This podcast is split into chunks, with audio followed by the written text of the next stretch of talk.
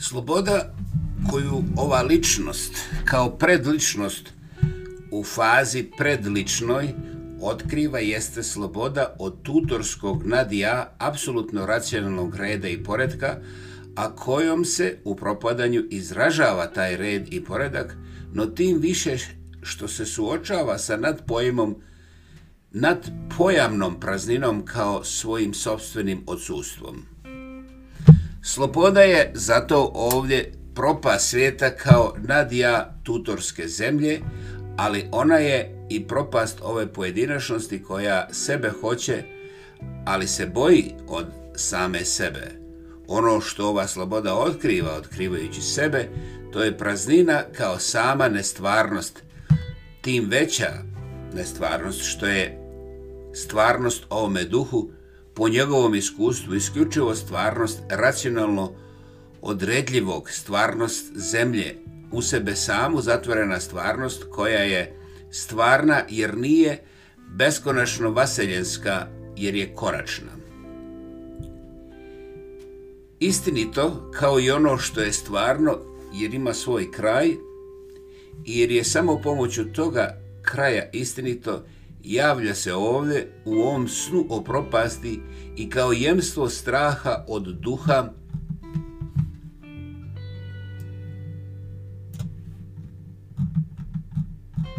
oprostite od duha slobode kao duha nestvarnosti i kao jemstva težnje ka toj propasti kao apsolutnom kraju na kome se zasniva apsolutna istina svega. Istinito je istinito prema svome kraju kao apsolutna stvarnost koja se ostvaruje koja biva stvarnošću tako što upoznaje i ostvaruje svoj sobstveni kraj. Između istine i apsolutne slobode koja bi bila i sloboda od svakog kraja, od ove stvarnosti i postvarivanja krajem nema saglasja. Sloboda i stvarnost su protivrečni jedna drugoj. Sloboda je nestvarnost, nadpojavnost, haos koji prevazilazi subjekt, istina je stvarnost kao kraj koji je kraj slobode. Propast zemlje je istinita ili sama istina na dijelu. Istina zemlje koja doseže svoju stvarnost – ispunjava se njome i potvrđuje dostižući svoj kraj. Otuda apokaliptični kozmizam ili kozmizam entropije koji obuzima ovaj infantilno pobunjenički duh nemoćan da se oslobodi od tutorstva reda i poredka zemlje tog apsolutnog reda i poredka duha palanke koji se u svojoj težnji za apsolutnošću preobražava u svijet čitave zemlje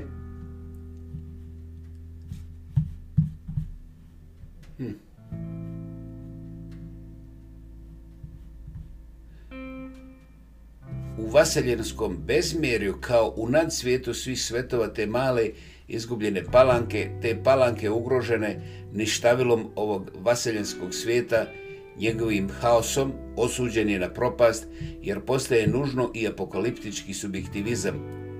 Ličnost može da nađe svoju pravu stvarnost, od nestvarne da postane stvarna, samo nalazeći svoj sobstveni kraj, dakle samo na putu svoje propasti – izvan propasti nema ličnosti i zbog toga nema nikakvog tvoraštva.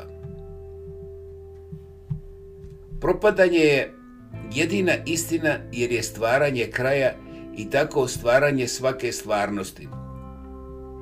Duh palanke kao duh zatvor, zaveren trajanju, vječnom preživljavanju, s onu stranu svake smrti i svakog preobražaja njome, ome, načelno je protivan apokalipsi, ali on neizbježno vodi njoj. 1.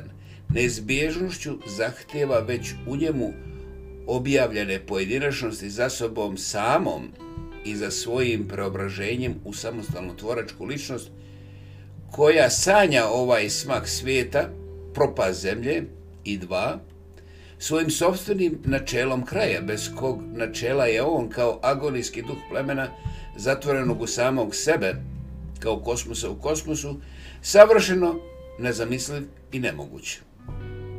Ovo načelo kraja postaje načelo propasti time što subjekt ovdje sebe traži, ali što u nemoćnoj infantilnoj svojoj pojedinačnosti kao predsubjektivnosti istovremeno sebe i odbija, produžavajući ovim odbijanjem ono što odbija, nad ja duha palanke i tako bivajući protivrečen duh koji hoće da propadne da bi bio i koji se boji te svoje potpune ostvarenosti kao same propasti.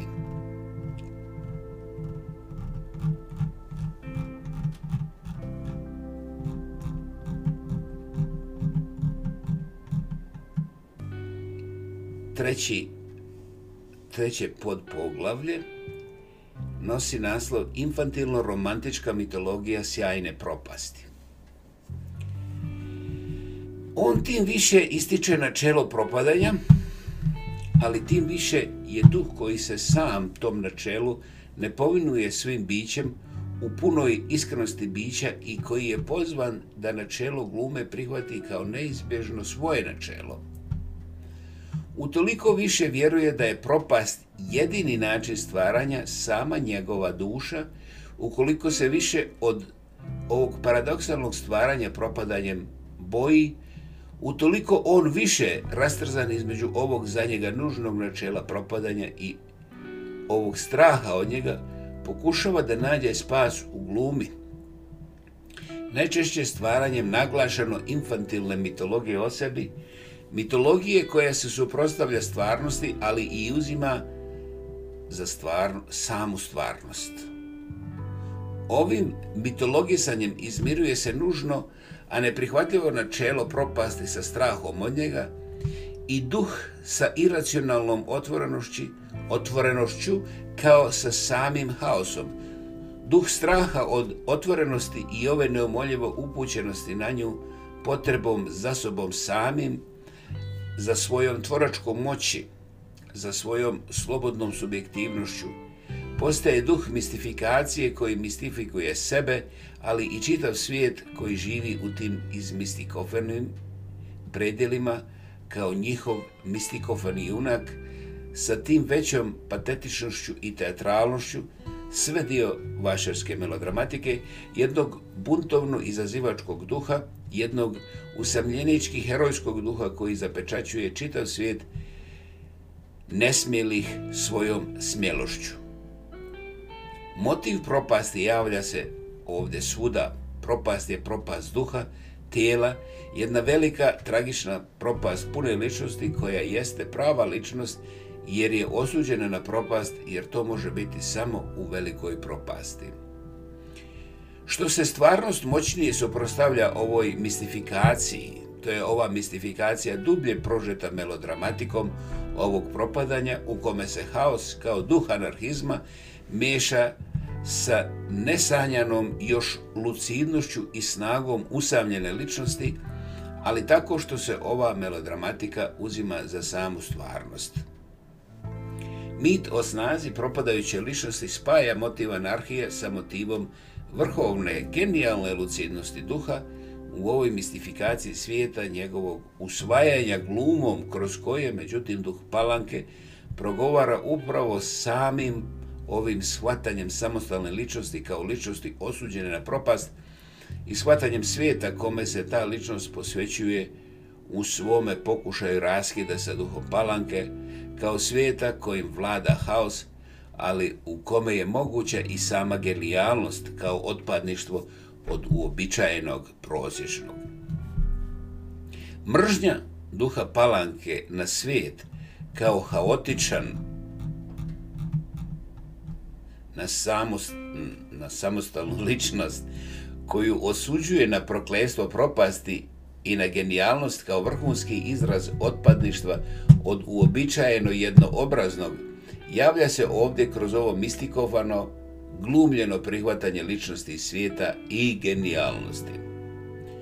Ona se javlja već samom činjenicom da se sve to glumi, da možemo i smijemo takvi biti samo u filmu svoje mašte, a ne u svijetu, ali javlja se i neposredno motivima te glume koji predstavljaju jedan svijet za sebe sa gotovo nepogrešno postavljenim unutrašnjim vezama što dejstvuju kao besprijekoran mehanizam.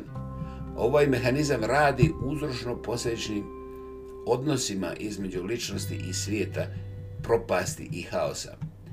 Tamo gdje je ličnost, tamo je anarhija, apsolutan haos, sam svijet, nužno tamo je i propadanje. Ličnost jeste ličnost u propadanju, jer nalazi svoju istinu onako kako svaka istina nalazi sebe upoznavajući svoj kraj, jer je ličnost moguća samo u svijetu koji je nered, jer nije svijet duha palanke i zbog toga haos. Motiv beskućništva nužnije, gotovo središno objedinjavajući motiv ove infantilo-romantičarske mitologije propasti, koju sanja nepregorili duh palanke. Izgred ove izazovne i izazivačke ličnosti je izraz svatanja ličnosti kao izgredničke u načelu. Kao što nema ličnosti bez propasti, nema je ni bez izgreda. Ona je kao fenomen izgredništvo i za samu sebe u ovoj mistifikaciji.